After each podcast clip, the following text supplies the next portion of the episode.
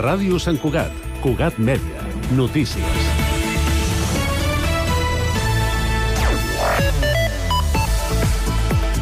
Bon dia, una última festa al carrer per celebrar la vida, la xarxa comunitària i la denúncia social. D'aquesta manera han dit adeu al bloc L'Escaleta als inquilins i inquilines que des de fa gairebé 4 anys ocupaven el número 3 del carrer de les Escaletes.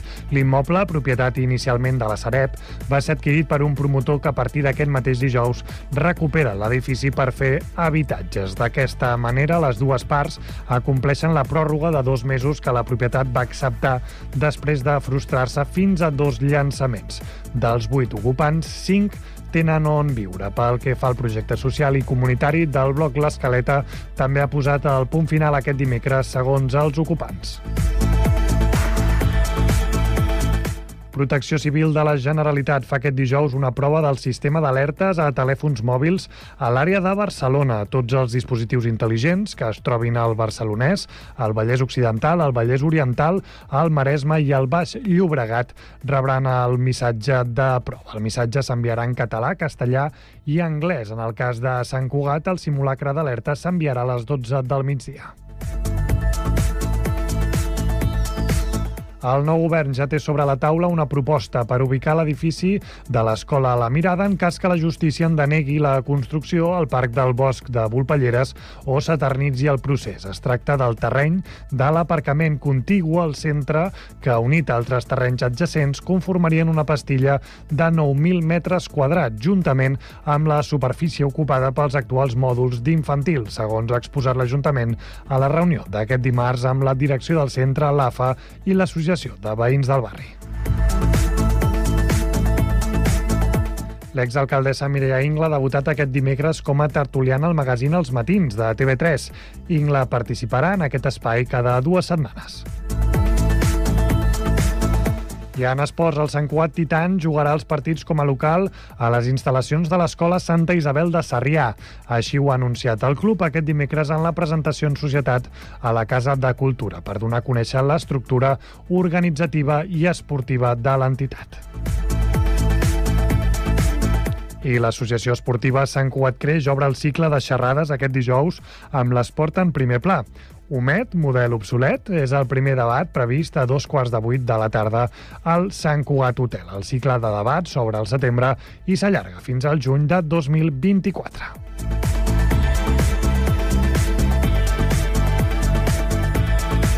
Cugat Mèdia, la informació de referència a Sant Cugat. Ràdio Sant Cugat. www.cugat.cat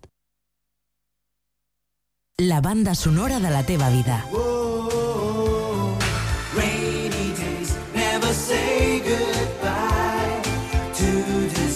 when we are together. Rainy days growing in your eyes. Tell me where's.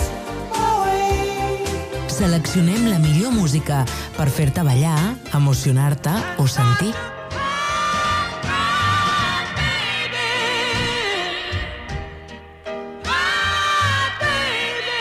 Música a Ràdio Sant Cugat.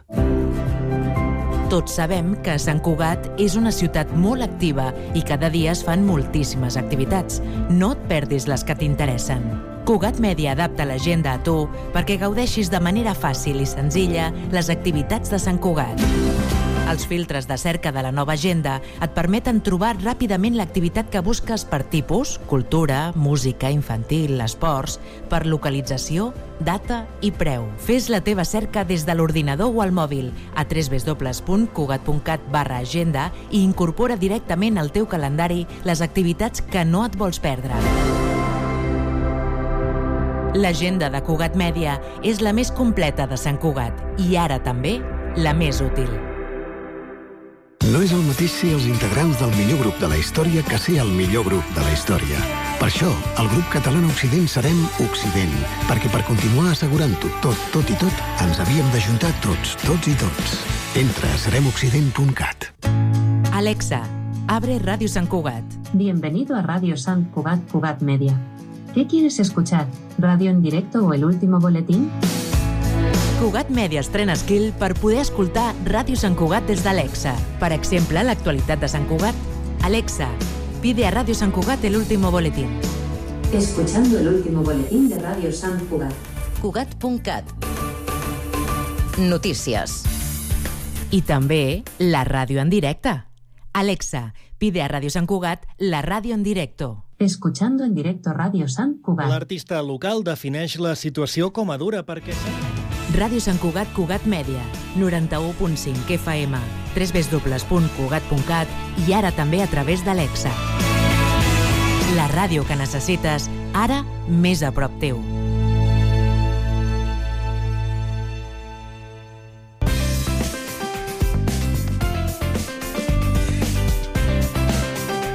Ràdio Sant Cugat, Cugat Mèdia, 91.5 FM.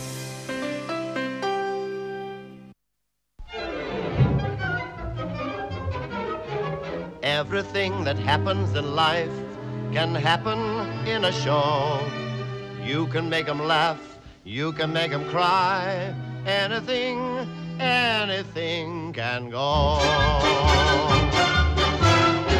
The clown with his pants falling down, or the dance that's a dream of romance, or the scene where the villain is mean.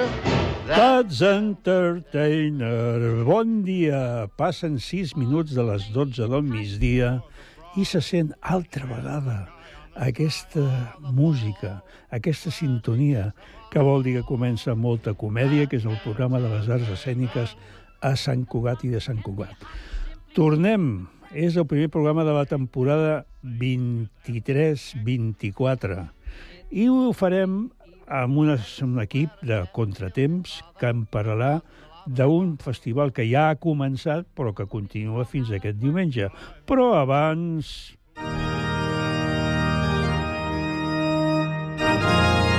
La humilia de molta comèdia.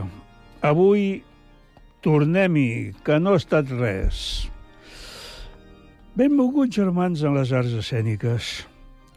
Avui comença l'otzena, onzena temporada de molta comèdia. Aquest programa que vol fer arribar a tothom al teatre, la música, la dansa, el circ, la poesia que es pot veure, escoltar, gaudir a la ciutat de Sant Cugat del Vallès.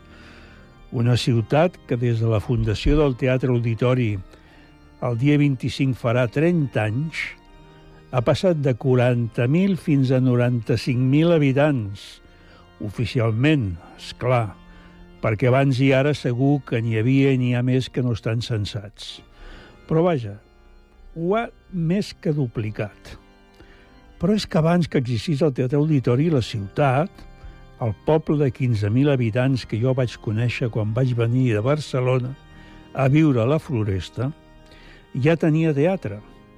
El teatre de la Unió Sant Cugatenca i també el teatre que es feia a la parròquia per la gent de l'agrupació teatral Maragall i sarsuela i poesia i també música, alguna cosa de jazz, quan es va obrir el celler després de la seva restauració, i cant, i cant coral, o de cantants i grups a partir de la nova cançó, i concerts d'aquest grup com Lluís Llach o Joan Manel Serrat, quan començaven, quan eren unes criatures, promocionats pel grup Amics de Tothom, allò que em van dir la totomada. I ara tenim la setmana vinent uns actes que celebraran aquest 30è aniversari del Teatre Auditori, una decisió de l'alcalde Joana Immeric i del seu equip, també promocionat per persones i entitats de la ciutat, que esperaven tenir un nou teatre per poder presentar les seves produccions, com és el cas de l'Esbart o la companyia de teatre abans esmentada, o de cantants com Pere Codó i un llarg etc que ara no diré, però que van veure com allò que el govern municipal després no es va poder fer, perquè el teatre era massa gran, el cost d'obrir i tancar era superior a les possibilitats del pressupost municipal.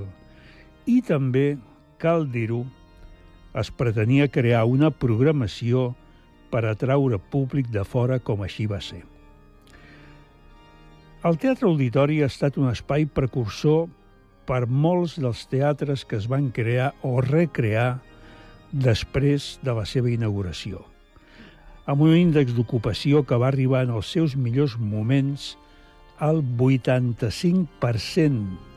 Sí, ho repeteixo, al 85%, percentatge que gairebé cap teatre de Catalunya tenia i que la darrera temporada, després de patir la pandèmia i la baixada de pressupost municipal, ha mantingut amb un respectable 73% que demostra que després de 3 anys sense director, la feina feta pels substituts compaginant administració i mecenatge, programació i relacions externes, que són la Maria Àngels Granados i Angela el Patrick Fanon, ha donat uns bons resultats que cal afegir a la col·laboració d'un equip que porta molts i molts anys treballant plegats amb eficàcia i coneixement. Però no n'hi ha prou amb un teatre com aquest. Ara, més de 900 localitats per cobrir les necessitats i exigències d'un públic que més que ha duplicat a la població, com deia abans, i és, segons les dades que de tant en tant van apareixent, la ciutat on es parla més en català, la ciutat amb la segona renda per càpita més alta de Catalunya, la ciutat amb més població dels països de la Unió Europea, la ciutat amb el segon PIB de Catalunya per la presència de moltes empreses multinacionals i grans empreses nacionals, la ciutat amb el percentatge més alt d'universitaris, la... bueno, deixem-ho aquí perquè no, no acabaríem. El Teatre Auditori contemplava inicialment una sala B, que no es va poder fer perquè una fallada imperdonable dels que varen fer el projecte, l'espai previst per a aquesta sala, no tenia les condicions de seguretat exigibles i que va passar a ser el taller escenogràfic que, per altra banda, ha fet i fa una labor molt bona. La sala B ha estat prevista després al costat de l'actual Teatre Auditori, dins d'un programa, el EPLEC, o un altre, l'EPEC, o un altre de nom curiós, el PECCAT, que en definitiva no és res més dolent, sinó que significa Pla d'Espais Culturals de Catalunya, PECCAT. Però això, estic parlant de projectes de l'any 2008 i 2010, sí, sí, ho han sentit bé, projectes de l'any 2008 i 2010, ha quedat penjat. També perquè, a part de les gestions que es poguessin fer des d'aquí, els pressupostos de la Generalitat van deixar de ser prou amplis per poder plantejar-se segons quines coses.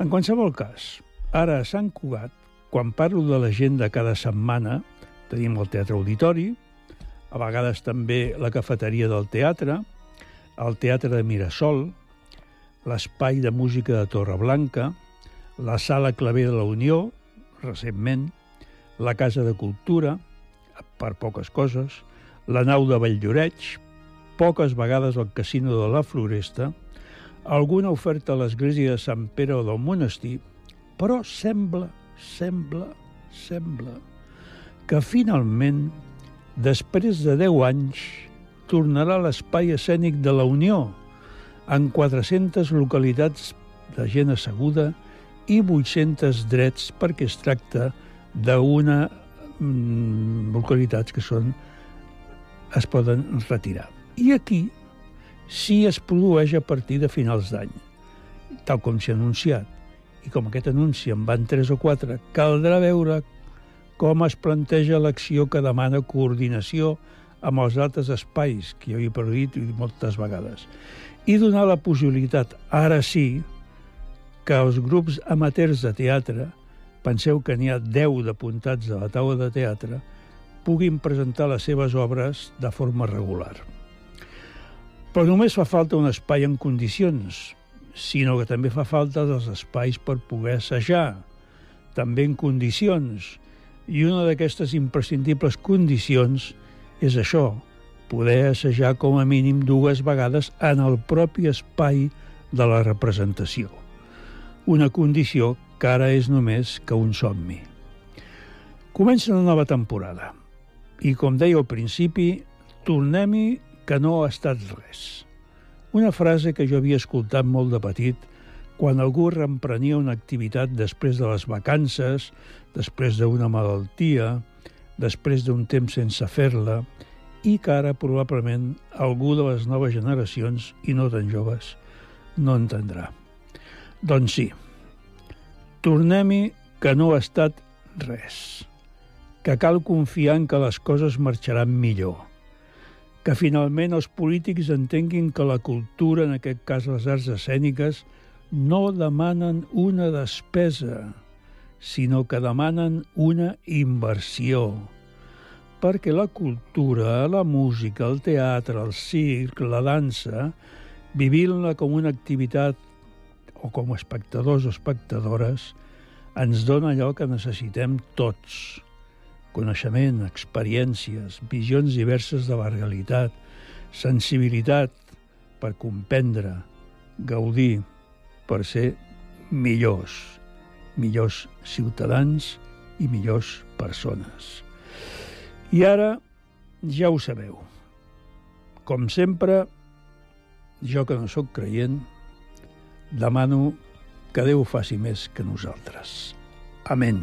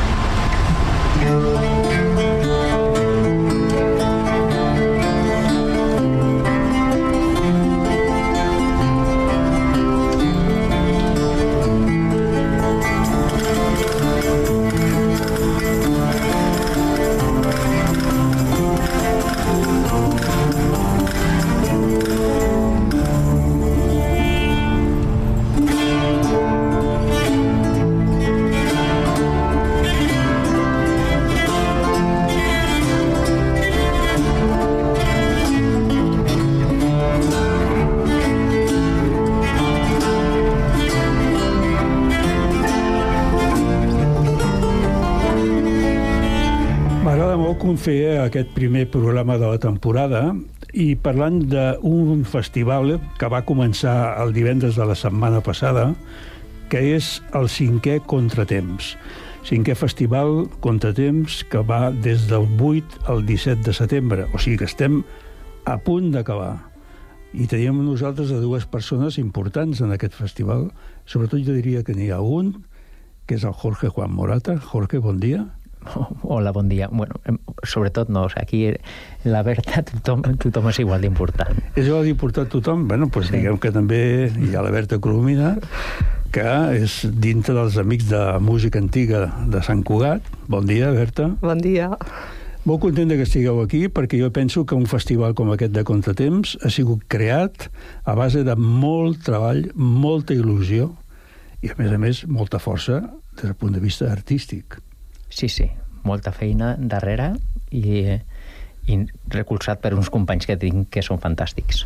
Bueno, diguem que va començar divendres eh, amb un festival, amb un concert eh, Finge, anomeneu, perquè és exactament... El, el fringe eh, vol dir envoltant, o sigui, al voltant de i és, és un format que hem participat molt quan nosaltres estudiàvem els conservatoris, que els grans festivals tenen, pues, la, donen l'oportunitat, donen una beca i l'oportunitat a aquells que s'estan formant per mostrar això de, del que s'estan preparant.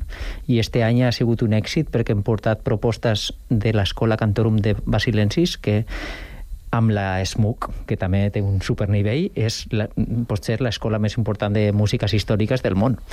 I ve gent de Londres també, que, grups que s'han que s'han apuntat, que han fet una tria i, i la veritat és que estem sorpresos de que hagin volgut vindre a contratemps i per nosaltres és tot un orgull. Perquè vosaltres feu una convocatòria i a partir d'aquesta convocatòria es presenten... Moltes candidatures. I jo, si no recordo malament, i si no m'equivoco, m'ho rectifiques, als anteriors anys eh, hi havia un sol grup que participava i aquest any el que vau fer és fer un a dos quarts de vuit i un a dos quarts de nou. O sigui, l'any passat va, va ser dos grups, un, un cada dia. Exacte. Però Eh, com en aquesta convocatòria ha hagut eh, tants grups tan bons, és que no podíem dir que no. Ah, no, llavors, això és bo, això és bo. Això, sí, llavors... Al final hem manejat, no?, per tenir, per poder que tots puguin participar.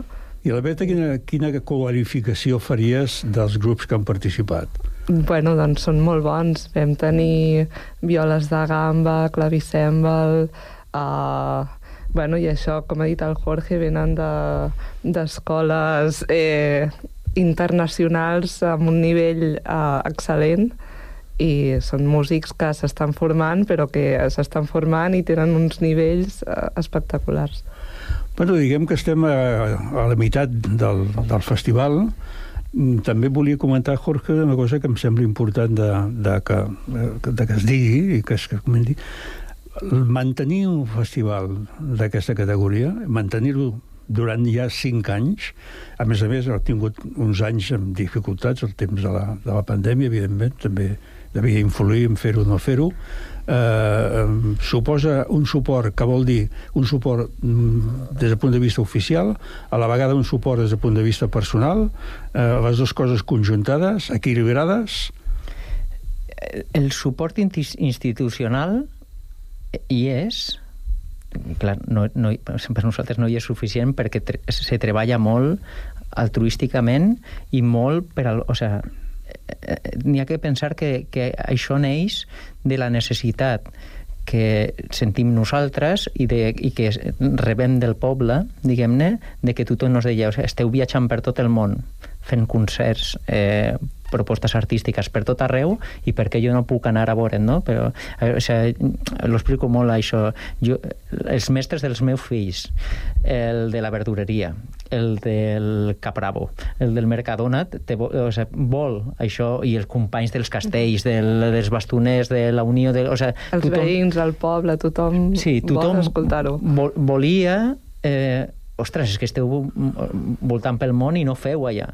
Llavors, nosaltres varem, o sigui, això està format per Lixania Fernández, una biologambista, Katie, Esteban Macer va ser el president fundador, uns lutiers que tenim en Sant Cugat que són fantàstics, que fan instruments d'època, la Berta Coromina, que és musicòloga, el David Galán, que és musicòleg, tothom gent i no parlo per mi, eh, que té un, un prestigi internacional molt elevat aquí en Sant Cugat li, li, els lutiers li, li s'encarreguen instruments per tot el món, i arquets... I, els coneixem, els coneixem. Sí, i, i l'Ixània toca per, per tot el món, Katie toca per tot el món, o sigui, gent que realment té un bagatge molt important i que volíem oferir als, a la nostra gent, perquè nosaltres ja no som nascuts aquí, però alguns sí. Jo sí, jo la, sí. La Berta sí. Però jo sóc valencià, però jo ja soc, jo ja soc tu ets santcugatenca de tota la vida. Jo de tota la vida. No ets nouvinguda. No, no, fa 25 anys saps que... que... Saps que la, la, la qualificació aquesta de nouvinguda s'utilitza molt. bueno, doncs jo sóc valencià, però jo ja sóc més santcugatenc que valencià, quasi, i llavors això lo volia oferir... Però, Jorge, pots mantenir sent valencià exactament i ser no, un santcugatenc no, tota la vida. Bueno, no, però, és fill o sigui, adoptiu ja de Sant Cugat. Adoptiu, exacte. Eh, sí, no, soc adoptiu i, i, i ja parlo de Sant Cugat amb molt d'orgull per ahir. Eh, llavors, això era el que volíem oferir nosaltres i treballem molt encara el recolzament no és el suficient perquè, perquè treballem molt, és el, per nosaltres és el, quasi el nostre hobby, dediquem un any a preparar este festival, que està organitzat eh, excel·lentment per tots els companys, i portem a gent de, que admirem. En realitat, com tenim tant recorregut i, i coneixem tanta gent de fora, este any, demà, vindrà Francesca Lombardi, que és una de les sopranos que toca con Biondi, con Alessandrini, con René Jacobs, con, con tothom. O sigui, vindrà a cantar una soprano que és referència en tot el món. Bé, diem que presenteu el concert Terça Pràctica. Demà, sí. Eh, diu un calidoscopi d'icones del 600 del 700 metamorfosi contínua a través dels protagonistes de les àrees, la cantant amb l'ajuda del vestuari, importantíssim. Sí, bueno, contratemps és una mica això. O sigui, busquem trobar l'essència de lo que és la música. El, format concert és un format molt modern. Anar a, a veure un concert i seure és, és molt modern. El, quan, per exemple, si tu vas a veure el, el Requiem de Mozart i l'escoltes com un concert, la música és fantàstica, eh? té un nivell enorme. Però si tu això li dediques a una persona que estimes, hòstia, és que se posa la pell de gallina. No? Això va començar el diumenge passat també amb el ioga. Sí. No? La música que, que ve del monestir, que, que, que han tocat música que, que, que venia del monestir de Sant Cugat, del nostre monestir, té un, un, una intenció espiritual. No? Llavors nosaltres hem volgut agafar aquesta essència i preparar un espectacle diguem-ne, o espectacle, no? una, una bueno, vivència. Relacionar-ho, lligar-ho amb, amb, el, amb el ioga, que també mm, combina molt bé amb aquesta música, no? Vull dir, és espiritual també d'alguna manera el ioga, llavors és com trobar aquesta connexió entre la música i una, i una vivència eh, que el públic pot venir i pot gaudir eh, a través de la música probablement la música al seu inici era això, transformar en so sentiment. Exacte. Potser ara, depèn d'on de, vagis, s'ha perdut una mica i és això el que intentem recuperar i tenir present en tots els nostres concerts. És que el que deia el Jorge abans, eh, el fet aquest de dir una cosa és l'espectacle actual, la gent arriba, seu, i hi ha un escenari, i aquest escenari doncs, interpreta la música quan es parla de la camerata, quan es parla de la música de cambra, es parla d'una altra cosa, es parla d'un fet que es feia a l'interior de la casa, de la casa, una casa determinada, evidentment, de la casa de, de, de gent molt, molt rica, no? Està clar. Però vull dir, hi havia una, hi havia una cosa absolutament eh, eh, propera. No hi, havia un, no hi havia una actuació en el sentit estricte de la paraula. No, exactament exactament. I, i, i en les, bueno, en la música de 600, 700, fins que va arribar el romanticisme, jo crec que hi va haver un tall molt gran de com s'interpretava la, com s'interpreta la música, com s'ofereix, més que com s'interpreta, sinó la funció que té el que escolta i el que interpreta diguem quan un, un rei escoltava música de dansa, quasi sempre era per a que ell ballés. Pot, potser era molt gran i no podia, però tenia ganes. O sea, però, eh, I si ho feia malament era igual. Bueno, eh, bueno Lluís, XIV, Lluís XIV tenia, tenia aquests músics que tocaven per ell per a que ell poguera ballar, no? Llavors aquesta música n'hi ha que viure-la també d'aquesta manera, de que té una funcionalitat i nosaltres anem a cap... no sé si és captar nou públic. Jo crec que Contratemps és diferent a tots els festivals que nosaltres hem participat perquè busquem aquesta essència de connectar una connexió directa amb el patrimoni la, les entitats i la, i la nostra gent que es puga sentir identificada en aquesta música. Llavors crec que això és primordial. No, no crear una barrera sinó que algo que té allò que t'enganxa i que sentes que esteu, això. I a més a més, en aquest cas, esteu fent, vau fer els, els concerts de fins a la plaça de l'OM, però després el fet d'interior del, del, del, del claustre, però després també fareu el celler modernista, també hi haurà, en aquest cas, amb músics de jazz. Sí, sí, sí. El, el matí del diumenge eh, comença l'espectacle que se diu Rapunzel, basat en el llibre Lo Cunti dei Cunti, uh -huh. napolità del segle XVII, que aquests contes n'hi ha que adaptar-los, eh, perquè avui en dia són molt forts, diguem-ne. I diu, seria, diu... seria discutible. Tenen connotacions bueno, diu... alternatives. Sí, connotacions i moltes males paraules, diguem-ne. Aquests contes que nosaltres diem Rapunzel, el, o sigui, llegeixes l'original, n'hi ha cada... O sigui, avui en dia les males paraules no sé si per als nens estan... Sobretot últimament. Sí, últimament, sí. Llavors, fem música del, del segle XVII amb un espectacle basat en aquell eh, llibre de contes, que són els contes que nosaltres coneixem més famosos. I després eh, vindrà l'associació de l'Indie Hop. Sí, sí, sí. Que l'Indie Hop, pel que, pel que dic, hi ha els músics, per exemple, Matthew Simon, un trompeta extraordinària, sí. que jo recordo quan va començar amb l'orquestra del Teatre Lliure, imagina't quan va començar, quan va venir de Califòrnia va començar el Teatre Lliure, però a més amb un grup de gent que la majoria són d'aquí, el contrabaixista, per exemple. Bueno, és que tenim molts bons músics aquí. Com s'ha pensat amb aquest, aquest concert? Eh, com el, el vestiu entrant dintre de Contratemps, del Festival Contratemps? La, el, com percebim nosaltres de la música antiga, diguem-ne, si vas a la font, és molt més moderna de la que nosaltres pensem. I i, i com hem viscut també, diguem-ne, de que te pots apropar, apropar aquesta música, la pots, te pots apropar des de molts punts, diguem-ne, des de l'historicista, d'intentar fer una reconstrucció la, lo més fidedigna possible, que és impossible, perquè si nosaltres escoltem les versions de Leonhardt amb les versions del Il Jardín Harmónico no tenen res a veure, però les dues tenen una intenció clarament musicològica i historicista de recuperar allò una praxis no? que, que es feia abans. Però també pots escoltar Bach en un acordió i ser fantàstic, un concert estupendo. No?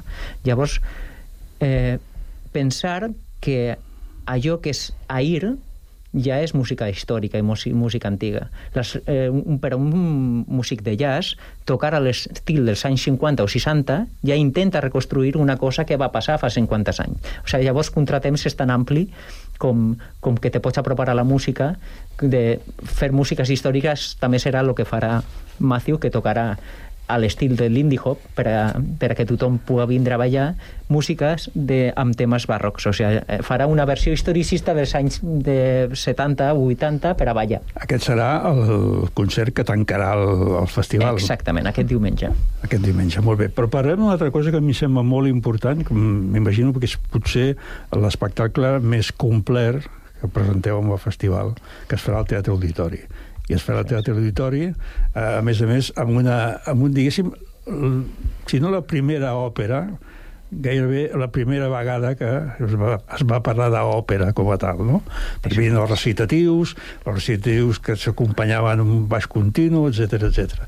Però llavors arribem a una cosa que ja s'intenta amb tres eh, personatges, un d'ells ets tu, això mateix. Sí, Tancredi, estem parlant del el combatiment de Tancredi Clorinda, que per a qualsevol melòman jo recomano molt anar a aquesta música per després entendre el que ve després el classicisme i el bel canto, perquè arribar a entendre les bases, o sigui, és que Monte, o sigui, tu cantes Bellini i, es, i estudies Monteverdi i vius és que esta, esto és una evolució de lo que ha fet ell, ho va inventar ell, tot això ho va inventar Monteverdi, la prosòdia, com es diuen les paraules, eh, fem un espectacle que, que intenta recrear una escena veneciana on tothom anava a divertir-se, on passaven moltes coses, no únicament va passar aquesta escena del Il Combatimento, hi havia comèdia de l'art, hi havia circ, hi havia molta beguda, també suposo, però no, no tindrem beguda. No, Seguríssim. Això segur. Seguríssim. no, no tindrem beguda en l'auditori, però tenim... Ai, llàstima. Llàstima. No, ti- tindrem molta diversió, molta diversió. És un espectacle que eh, està dirigit per Adrián Svarstein, que eh, és un dels pilars de, de la comèdia de l'art d'Europa, és un habitual al Festival d'Utrecht de, en Noruega, en Graz, en Estiarte, en, en Innsbruck, que són dels festivals més importants que n'hi ha en Europa de, de músiques històriques, i, eh, i és molt divertit. Jo estic en els assajos passant-me-ho mm, superbé.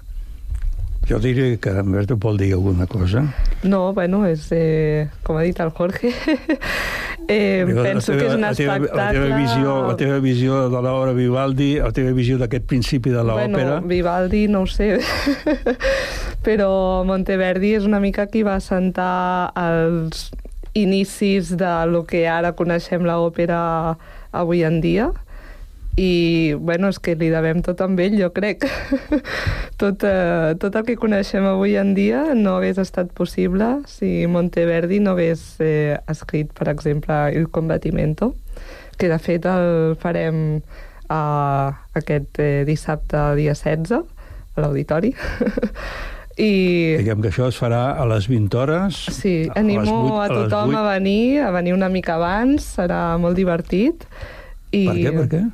Bueno, hi ha sorpreses. Hi ha una Exacte. conferència i després hi ha moltes sorpreses una mica abans. Hi ha una que- conferència al, al una cafè, mica al cafè de- auditori, una conferència prèvia. I Sí. després hi passen coses abans de l'espectacle, així que és, to- tothom està convidat Mentre a el vindre a públic descobrir. vagi venint, nosaltres farem. Molt bé, doncs escolta'm, jo estaré allà a, a la porta de, un mitja hora abans. Així m'agrada. De, perdona que he dit allà, que estaves No, comentant. bueno, és això, sí, bàsicament. L'obra, eh, de totes maneres, eh, estarà... mm, Es parla, almenys la, la, tal com es presenta, òpera circ. Sí, o sigui, un, òpera circ, o sigui, vol dir òpera, comèdia de l'art, n'hi ha elements circenses perquè tenim dos actors que són especialistes en circ, Mm -hmm. i en, la, És el Balusca Circo, no? Sí, Balusca Circ, sí. Llavors, eh, el combatiment en realitat són 15 minuts de música. El que passa que nosaltres hem fet una, una obra, o un espectacle, diguem-ne, una obra de teatre, on s'intenta representar com es va oferir als reis aquesta obra, no? diguem-ne, i nosaltres li oferim aquesta obra, es fa un espectacle on el rei és el públic. Volim, nosaltres sense el públic no tenim ningú tipus de sentit, els artistes ni l'art. En realitat és una... Nosaltres el que intentem és tras, tra, transmetre eh, coses que passen en, en, en la realitat avui en dia o socials. Tots els, tots els compositors i artistes sempre intenten reflexar o, o fer una, una reivindicació o una... Es diu, es diu que el teatre és un mirall. És un mirall de la societat. Pues nosaltres fem un agraïment, oferim el, al públic aquesta obra, potser n'hi ha, haurà moltes sorpreses en l'espectacle per a coronar aquest públic, de com ho farem, ja... Aquí Tornem a, tornem Això a, ja serà tornem a repetir. sorpresa. Tenim, primer, una presentació de l'obra que es farà a, a la cafeteria Sí, del Teatre a Auditori. Això, Antoni Colomer, Colomer nos posarà en context de què és Monte... O sigui, que serà a les 7, a les, a les Sí, 7. a les 7 de la A les tarda. Aleshores, eh, se suposa que això durarà mitja hora o... i a partir d'aquest moment fins que comenci l'obra, que serà a les 8, poden passar coses. Pot passar de tot. Ho deixem a l'aire lliure, obert. Repetim-ho, pot passar de tot. De tot, sí. Bueno, però sobretot de tot que es pugui explicar després. Sí, sí, clar. Sí, sí. Sí, sí. Bueno, com a, com a obra, eh, tu que ets dels personatges, eh, què, què diries? És difícil? És fàcil? És en- s'entén perfectament? Perquè a vegades passa això, que molta gent, eh, quan li parlen de música antiga, doncs té la sensació, té el, que és un prejudici, evidentment, de dir això està, és com, està fora de temps, no? No, no sé si, no sé si m'arribarà.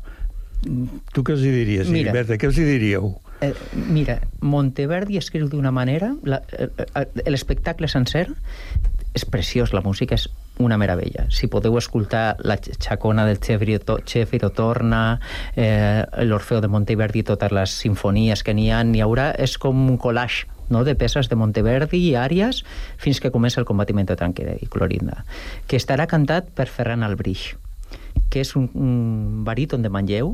Avui en dia no es troben barítons per a cantar aquest repertori. Ha hagut dos grans barítons que han cantat l'Orfeo, que ha sigut Víctor Torres, i el Furio Zanasi. Li hem, li hem donat... Bueno, li hem fet una, una audició al Ferran i ha cantat un Tancredi que ah, jo ho dic de, de tot cor, eh? Esta veu anirà per tot el món cantant, cantant aquest repertori que és dificilíssim.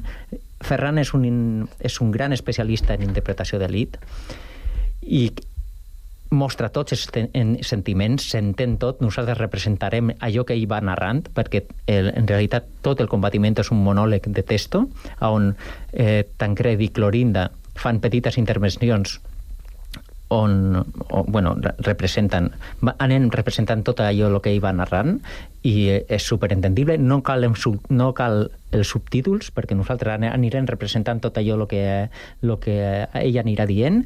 Jo recomano llegir a Tasso per veure o sea, aquests lli- llibrets d'aquestes òperes. Jo fa poc vaig estar en l'incoronazione di Popea de, del Liceu, Liceu, no sí. si vas tindre l'oportunitat d'anar, però és un dels millors llibrets que, que, eh, que, que n'hi ha, o sigui, si després veus els lli- llibres que se fan servir en el, en el bel canto, pe- pecan de, de, de poc substancials, no? moltes vegades, com que no tenen un transform molt profund, però Tasso és un gran llibretista, té un doble sentit per veure, per analitzar la societat, de com entre germans enfron- enfrontem i després quan li fas mal al, al teu germà...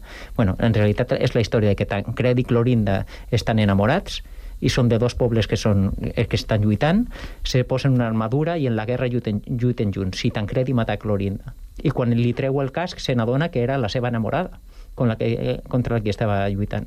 Llavors, això avui en dia també en una guerra podem veure que estem lluitant entre pobles germans i que, i que, és, que estem fent. És que al final són temàtiques que repeteixen al llarg de la història, vull dir, no... Clar, quan pensem en música antiga pensem, ostres, quedarà molt lluny, no ens arribarà, no?, com deies, però en realitat és que les temàtiques són superactuals, es poden apl aplicar a la vida quotidiana perquè al final la història es repeteix i ho, veie ho anem veient a mesura que anem analitzant els llibrets i a mesura que nosaltres també doncs, anem visquent la història present. A vegades penses que malauradament es va repetint, Sí, malauradament, però a vegades penses també que forma part de l'essència humana. sí, sí. I ja et dic, vull dir, són temes de tanta actualitat que, eh, o sigui, arriben en el públic perquè i són totalment entendibles perquè avui en dia també es viuen aquestes situacions. Aquesta obra la vau escollir... Eh, Faran, aquesta obra farà ara 400 anys que s'ha estrenat. sí, Farà fa poc, que serà l'aniversari. Llavors, perquè a, a, nosa- 1629, 24. 24. O sigui, farà poc. Llavors, nosaltres hem tingut la sort de fer produccions aquí en Sant Cugat i aquest any hem pogut anar a Irlanda, hem pogut anar al Festival de Música Antiga de Penyíscola. Llavors, estem com podent eh, hem anat a Vallbona, a Manlleu, no? hem Sí. anat a diversos llocs, podem portar les coses d'aquí que creem en, produir en Sant Cugat per portar-les per portar-les fora. Així que estem, això també és un motiu d'orgull, d'això de que estem fent eh, està molt bé i eh, així que eh, també eh, vol dir que l'espectacle acaba amb una paròdia sobre el combatimiento que hem, eh, està el text este, existeix de Mazzulli amb el poema Arboní que havia, havia, fet la seva versió. vols dir eh, afegit el... és, és, eh, una, en, en la, estava el combatimiento i després existia una, una paròdia sobre el combatimiento de Tancredi i Clorinda. És igual que escoltar el Polònia. Què vull dir? Exacte. És, veus, veus que estan passant coses i de, i de repent algú escriu una paròdia. O sigui, no sé, Sí, sí. I a vegades, a vegades no saps quina és la realitat, si Eh, la i- paròdia o la la realitat. Això, realitat. nosaltres, per, a- per a, per a, després del combatiment, fem la paròdia que, eh, bueno, el, fem, hem posat música sobre el text que es conserva de la paròdia, perquè eh, vi- eh, Vincent Dumestre havia fet una reconstrucció que és magnífica sobre aquesta paròdia, però nosaltres hem fet la nostra reconstrucció. Hem agafat el text, hem posat música pareguda a la de Monteverdi, que l'hem hem composat nosaltres a l'estil, i l'espectacle acabarà so, amb una paròdia sobre el combatiment de, de Tancred i Clorinda. Bueno, i escolta'm, eh, ens ha passat molta estona comentant. Continuaríem comentant, segur que tindríem per poder parlar encara una hora més tant, com a mínim, com a mínim, però ho, ho haurem de deixar-ho. Jo penso que s'ha de repartir doncs, que aquest dissabte, el 16 de setembre, a les 20 hores, i el combatimento di Tancredi i Clolinda, que presenta l'ensemble Contratemps, amb tota aquesta explicació que ens heu fet, jo penso que si no crida l'atenció, malament rai, que no crida atenció per la gent perquè hi vagi i perquè ho vegi, perquè, a més a més, tal com dèieu, és un espectacle que, com deies tu va, fa un moment, estem parlant de 400, refet una mica, reconvertit, eh, adaptat, posant-hi, afegint-hi alguna cosa, però en definitiva... Que, És un espectacle totalment modern. també absolutament actual, o sigui, en qualsevol cas, actual, no hi ha, no hi ha dubte d'això, seguríssim. No sé si voleu dir alguna cosa més abans que acabéssim. que és una sort poder estar en, aquí en tu i que podem repetir moltes vegades, així que moltes gràcies per conv- convidar-nos. que menys que fer-ho, perquè, escolta'm, la ciutat no es fa només amb segons quin tipus de coses, sinó aquestes són fonamentals. Són fonamentals. Moltes gràcies, Berta, moltes gràcies, Jorge, Gràcies. i que tingueu molt èxit i, sobretot, que vingui el sisè contratemps. Sí, esperem. Moltes gràcies.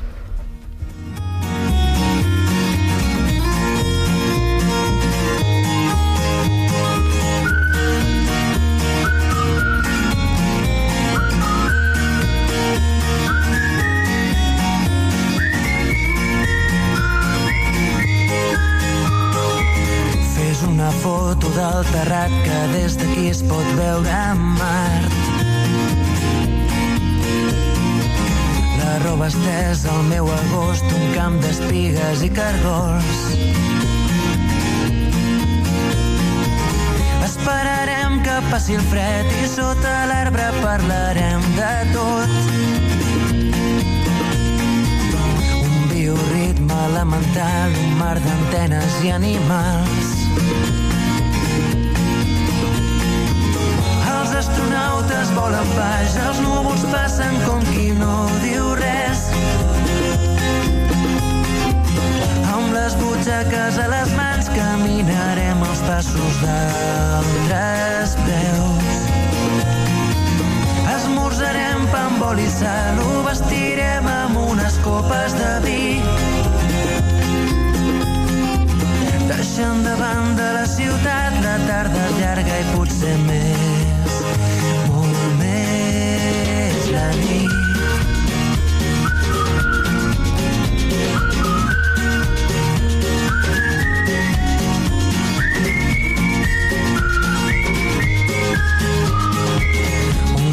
lloc, un altre temps on parlarem amb altres déus. El meu secret subtitulat Camins d'arròs, camins de blat. Esperarem que baixi el sol i sota l'arbre parlarem del temps. Un bioritme elemental, un tros de vida artificial.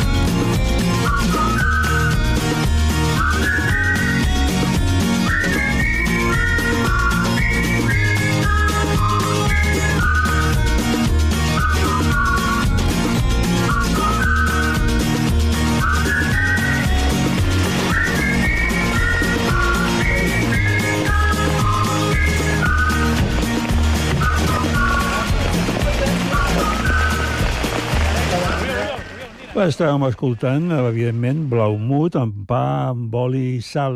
Per què? Perquè demà divendres, a les 19.30, s'obrirà el celler modernista per començar els vincles d'aquest any. I dic que s'obrirà perquè comença a les 19.30, o sigui que la gent pot entrar a partir d'aquesta hora, eh, per poder prendre alguna cosa de, de beure i de menjar abans dels concerts, perquè n'hi haurà dos de concerts. El primer serà Mantacho, que seria doncs, l'artista Sant Cugatenc, en aquest cas dintre del, del Festival de Vincles és molt important que hi hagi aquesta dualitat, i seguidament el grup Braumut, que hem escoltat ara, que el seu concert, és a dir, que el Tacho que farà el primer concert, que serà aproximadament a les 20.30, i el Blaumut, que fa aquesta gira dels 10 anys, serà a les 22.30. Però entremig dels, dels concerts hi haurà també una hora, mm, bueno, més o menys una hora de descans, per poder prendre un altre un refrigeri a la zona del bar. I es podrà sortir del recinte si convé, per tornar a entrar amb la mateixa entrada per veure el segon concert. Això eh, escollir per, ca, per cadascú. Recordem que també demà, com comentàvem fa un moment doncs, amb els eh, de, de contratemps, a les 21 hores en aquest cas, eh, el, serà el claustre del monestir el concert de Terza Pràtica, aquest calidoscopi d'àrees del 600-700, en la veu de la soprano italiana Francesca Lombardi i el Juan José Franciones, cor de pulsada, i el Massimiliano Toni, que li sembla. Per cert, que no us havia comentat, el, el Vincles, el primer Vincles, amb l'Amut hi ha les entrades exaurides. El que passa és que, com passa sempre en aquests casos, no sé si a última hora, suposant que algú no es presenti, no hi vagi, doncs eh, es pugui entrar, però penseu que estan exaurides. Dissabte continua Vincles, en aquest cas també a les 19.30, amb aquesta també doncs, entrada prèvia per poder prendre alguna dins de l'espai, i la, la cantant eh, Sant Cugatenca és l'Eva Solà, i després hi haurà el segon la part del concert, el segon concert, en la Meritxell Nederman i el seu grup. I a les 20 hores de, de demà, al Teatre Auditori, eh, perdó, de demà, de dissabte vull dir, al Teatre Auditori, com dèiem abans, el Combatimento di Tancredi e Clorinda, de Claudio Monteverdi, que ja presentaven com si fos una òpera circ, però que es tracta finalment de l'obra, l'òpera, com es deia, el primer que va fer, doncs el, el, el, el, es va dir aquesta paraula perquè mai s'havia utilitzat com a tal, aquesta obra fantàstica, com a novedosa, i amb una gran interès des de qualsevol punt de vista, i de Monteverdi, i que després està mm, presentada per l'ensemble amb José Juan, Jorge Juan Morata com a tenor, la Marina José Soprano i el Ferran Albric baríton. La direcció musical d'en Jordi Domènech i la direcció escènica de la Diane de Schwarzenstein. I el diumenge, a les 11, al claustre del monestir, Rapunzel, aquesta música antiga per a un conte infantil, i a les 12.30 del mateix diumenge, al celler modernista, Contratemps fa l'indi. Això que comentàvem, doncs que hi haurà un grup, un quartet, quartet de Matthew Simon, el gran trompeta de Sant Cugatenc, Califòrnia Sant Cugatenc, que eh, ens interpretaran música antiga, però interpretada a la manera jazzística que jo penso que és molt i molt interessant.